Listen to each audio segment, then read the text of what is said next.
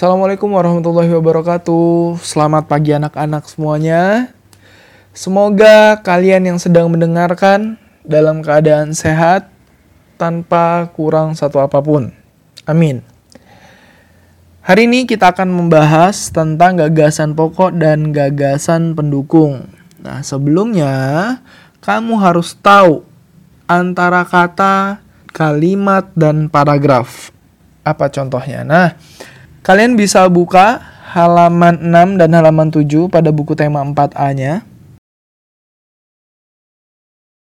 Jika sudah, kita mulai dari um, contoh satu kata. Nah, lihat yang paling atas. Ayo membaca. Ini terdiri dari dua kata, yaitu kata pertama ayo dan kata kedua membaca. Nah, itu. Jadi satu penggal antara satu spasi itu artinya satu kata. Nah, setelah kata ada kalimat. Tandanya satu kalimat adalah dimulai dari uh, kata yang pertama sampai diakhiri dengan tanda baca titik. Contohnya, kamu lihat di paragraf yang paling atas. Salah satu cara dapat kita lakukan untuk mengetahui keragaman budaya di Indonesia adalah dengan membaca artikel. Nah, ini satu kalimat. Dari kata yang pertama diakhiri dengan tanda titik. Itu kalimat yang pertama. Kalimat yang kedua. Contoh lagi. Artikel adalah, nah ini dari selesai tanda titik Berarti kata yang pertama diakhiri dengan tanda titik lagi. Misal koma, misalnya esai dalam majalah dan surat kabar titik. Nah, ini artinya adalah satu kalimat. Selanjutnya, satu paragraf. Satu paragraf itu ditandai dengan kata yang pertama atau baris yang pertama, tulisannya menjorok masuk ke dalam. Nah, kita contoh naskahnya yang sedang kalian lihat adalah upacara adat. Nah, lihat di situ.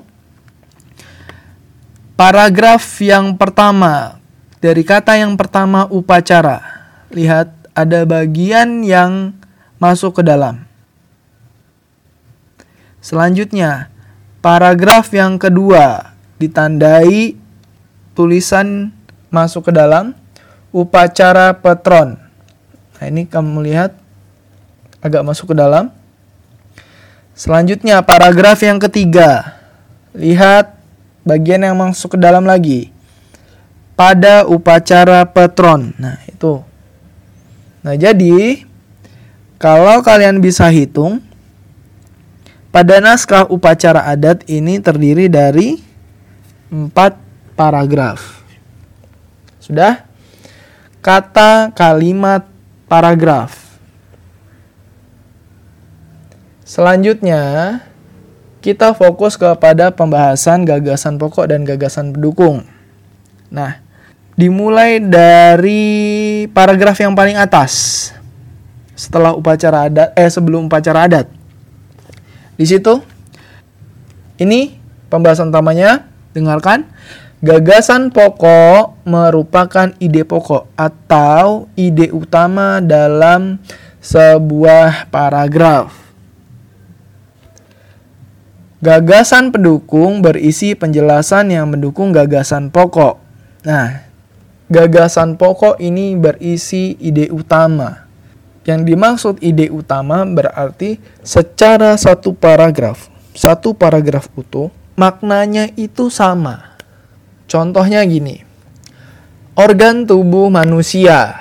Nah, paragraf yang pertama ini berbicara tentang kepala. Nah, gagasan pokoknya ini kepala. Sudah? Berisi ide utama. Jadi, satu paragraf ini ngomongin kepala aja. Selanjutnya, yang dimaksud gagasan pendukung berisi penjelasan yang mendukung gagasan pokok. Nah, Paragraf uh, contohnya jika dibuat satu kalimat Gagasan pokoknya adalah organ tubuh manusia yang paling atas adalah kepala. Nah, itu gagasan pokoknya. Selanjutnya, gagasan pendukungnya apa? Gagasan pendukung ini berisi tentang yang mendukung gagasan utama. Berarti apa? Ciri-ciri, bisa ciri-ciri, bisa fungsi, bisa waktu dan tempat, bisa lokasi, bisa rincian sebuah kegiatan, ya. Nah, jadi gagasan pendukung dari seandainya kita buat kalimat uh, sebagai gagasan pokoknya adalah organ tubuh manusia yang paling atas adalah kepala, berarti gagasan pendukungnya uh, kepala terdiri dari dua mata, hidung, dua telinga, satu mulut, ada rambut. Nah, itu. Terus gagasan pendukungnya apa lagi? Fungsi dari kepala adalah hmm, fungsinya apa? Kepala secara utuh adalah tempat tempatnya otak. Nah, itu. Gagasan pokok ini biasanya terdapat di awal kalimat setiap paragraf. Bisa di awal atau bisa kalimat yang paling terakhir. Nah, sekarang jika sudah paham, kita bahas pada bacaan upacara adat. Nah, kalian bisa patokannya uh, di halaman 7. Kan di sini ada contohnya. Paragraf yang pertama, pada contoh halaman 7.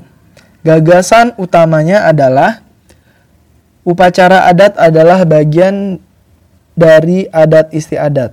Kalian lihat lagi halaman 6-nya. Pada paragraf yang pertama. Kalimat yang pertama adalah upacara adat merupakan bagian dari adat istiadat sebuah suku. Nah, itu gagasan gagasan pokoknya. Selanjutnya, gagasan pendukung. Ini ada yang pertama fungsi upacara adat, yang kedua adalah contoh upacara adat di Indonesia. Nah, kalian bisa lihat pada kalimat kedua, upacara adat berfungsi sebagai salah satu cara untuk menelusuri jejak sampai uh, sejarah masyarakat di suatu daerah. Nah, Terus kalimat selanjutnya ini sebagai pendukung. Ada bermacam-macam upacara adat di Indonesia. Ada upacara adat pernikahan, mensyukuri hasil panen, atau acara keagamaan. Jadi, contoh pada paragraf yang pertama dapat kita tulis. Ini langsung kalian tulis ya. Di buku tulisnya. Gagasan pokok pada paragraf yang pertama terdapat di gagasan pokoknya adalah kalimat yang pertama. Ini bisa kalian tandain dulu sebelum mencatat. Selanjutnya, kalian tulis dilangkahin lagi satu baris di situ. Setelah gagasan pokok, ditulis di situ gagasan pendukungnya. Titik dua karena di sini banyak titik dua. Lalu ditulis di bawahnya satu. Itu isian dari kalimat kedua. Selanjutnya yang kedua adalah isian pada kalimat ketiga dan keempat sudah nah selanjutnya pada paragraf yang kedua. Paragraf yang kedua terdiri dari tiga kalimat. Kalimat yang pertama upacara patron. Yang kedua, upacara ini biasanya dilakukan. Yang ketiga, upacara ini bertujuan. Nah, sampai titik. Jadi pada paragraf yang kedua, kalimatnya hanya tiga. Berarti dari tiga kalimat ini hanya terdiri dari satu gagasan pokok dan dua gagasan pendukung. Kita cari gagasan pokoknya dulu. Upacara, upacara Petron Unenek merupakan upacara adat yang artinya turun tanah. Nah, ini membahas arti. Dan menjadi kalimat awal pembuka untuk membahas upacara Petron Une Utanah ini. Selanjutnya, kalimat yang kedua, upacara ini biasanya dilakukan. Nah, ini menandakan kalimat kedua sudah menjadi penjelas dari kalimat pertama. Nah, jadi, pada paragraf yang kedua, gagasan pokoknya adalah kalian bisa tulis, mungkin ditandain dulu. Jadi, paragraf yang kedua, gagasan pokoknya adalah kalimat yang pertama. Upacara patron nenek merupakan upacara adat yang artinya turun tanah. Titik. Dilangkahin satu baris untuk gagasan pendukungnya. Gagasan pendukungnya berarti di sini ada dua. Kalian bisa tulis yang pertama, gagasan pendukung yang pertama, upacara ini biasanya dilakukan pada saat bayi berusia 44 hari. Yang kedua, Upacara ini bertujuan agar sang bayi tumbuh sehat serta memperoleh keselamatan dan perlindungan dari Tuhan. Oke, jika sudah ditandain, selanjutnya kita lanjut ke paragraf yang ketiga. Pada paragraf yang ketiga, terdiri dari enam kalimat. Dapat kita temukan dari enam kalimat ini adalah satu uh, kalimat sebagai gagasan utama, dan lima kalimat sebagai gagasan pendukung. Mari kita temukan gagasan pokoknya dulu pada paragraf yang ketiga. Kalimat yang pertama, pada upacara patron Une Utana, seorang tokoh masyarakat akan menggendong bayi menuruni tangga yang disiapkan untuk upacara. Nah ini, kalimat yang pertama. Setelah itu baca kalimat keduanya. Tujuannya adalah nah, kalau sudah berbicara tujuan, berbicara ciri-ciri, kegiatannya, lokasi, tempat, waktu. Nah, itu berarti berisi gagasan pendukung. Nah, jika sudah ditemukan gagasan pokok, sisanya adalah gagasan pendukungnya. Jadi, kamu bisa tulis gagasan pokok ya pada paragraf yang ketiga gagasan pokok titik dua pada upacara patron Une Utana, seorang tokoh masyarakat akan menggendong si bayi menuruni tangga yang disiapkan untuk upacara. Jadi paragraf ketiga gagasan pokoknya adalah kalimat pertama. Lalu gagasan pendukungnya adalah kalimat kedua sampai kalimat ke-6. Selanjutnya paragraf keempat. Kita baca dulu.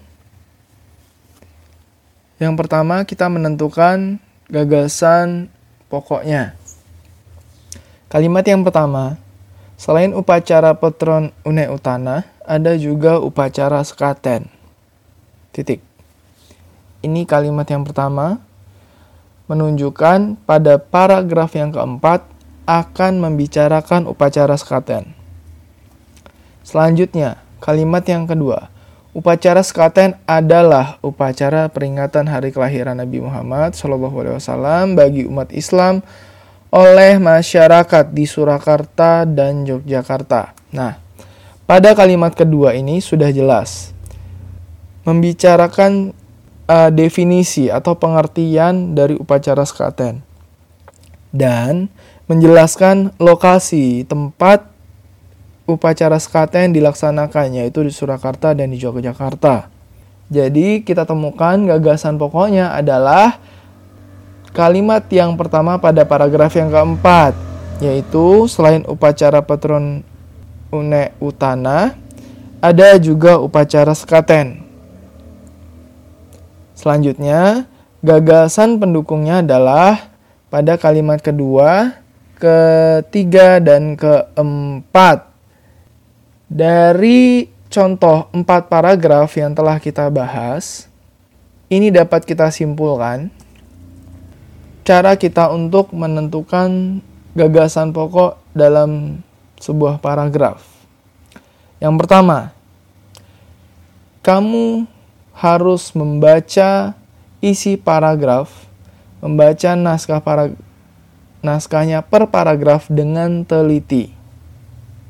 Tidak usah terburu-buru dibaca dulu dengan lengkap kalimatnya sampai habis. Selanjutnya, kamu harus menentukan kata utama atau kalimat utamanya. Nah, setelah kamu membaca dan menentukan kalimat utama, kamu bisa langsung menentukan sebuah gagasan pokoknya. Dari empat contoh empat paragraf ini, dapat kita simpulkan seluruh gagasan utama biasanya terdapat di kalimat pertama di awal paragraf. Kesimpulannya yang paling gampang Bapak ulangi. Gagasan pokok berada pada kalimat pertama setiap paragraf. Dilanjutkan kalimat kedua dan seterusnya sampai selesai paragraf adalah gagasan pendukung. Bagaimana? Mudah bukan? Setelah kita menentukan uh, kesimpulannya. Baik, kalau sudah akan dilanjutkan dengan tugas bacaan dari buku tema 4A. Terima kasih. Assalamualaikum warahmatullahi wabarakatuh.